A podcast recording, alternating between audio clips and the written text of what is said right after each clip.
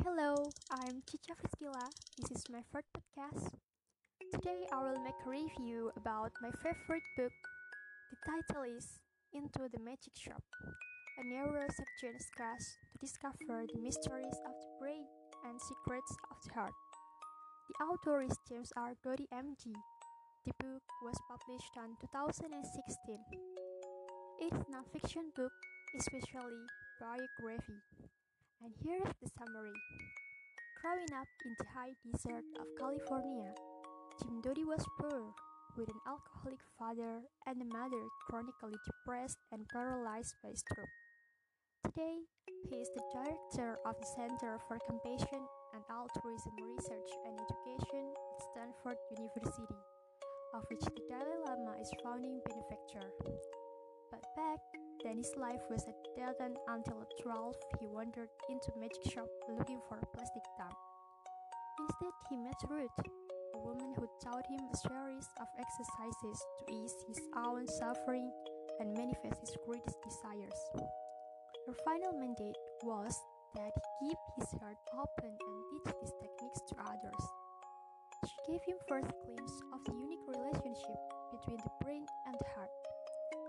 Doty would on to put Ruth's practice to work with extraordinary result power and will that he could only imagine as 12 years old, riding his orange stingray bike. But he neglects Ruth's most important lesson to keep his heart open. With disastrous results until he has the opportunity to make a spectacular charitable contribution that will virtually ruin him. Part science, part inspiration, and part practical instruction.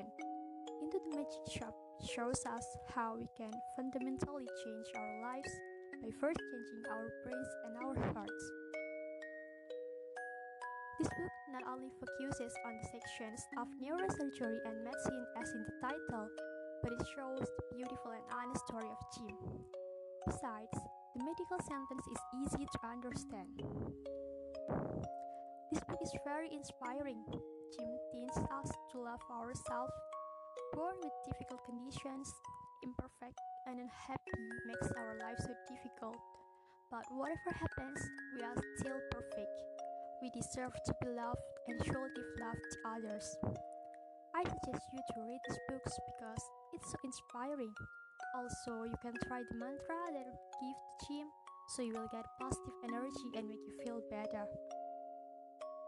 My favorite mantra from Ruth is I'm worthy, I'm loved, I'm cared for, I care for others, I choose only good for myself, I choose only good for others.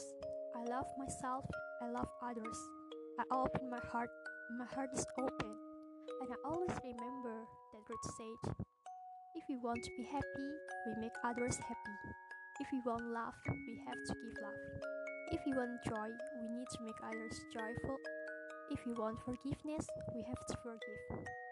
If we want peace, we have to create it in the world around us. This book looks so interesting, right?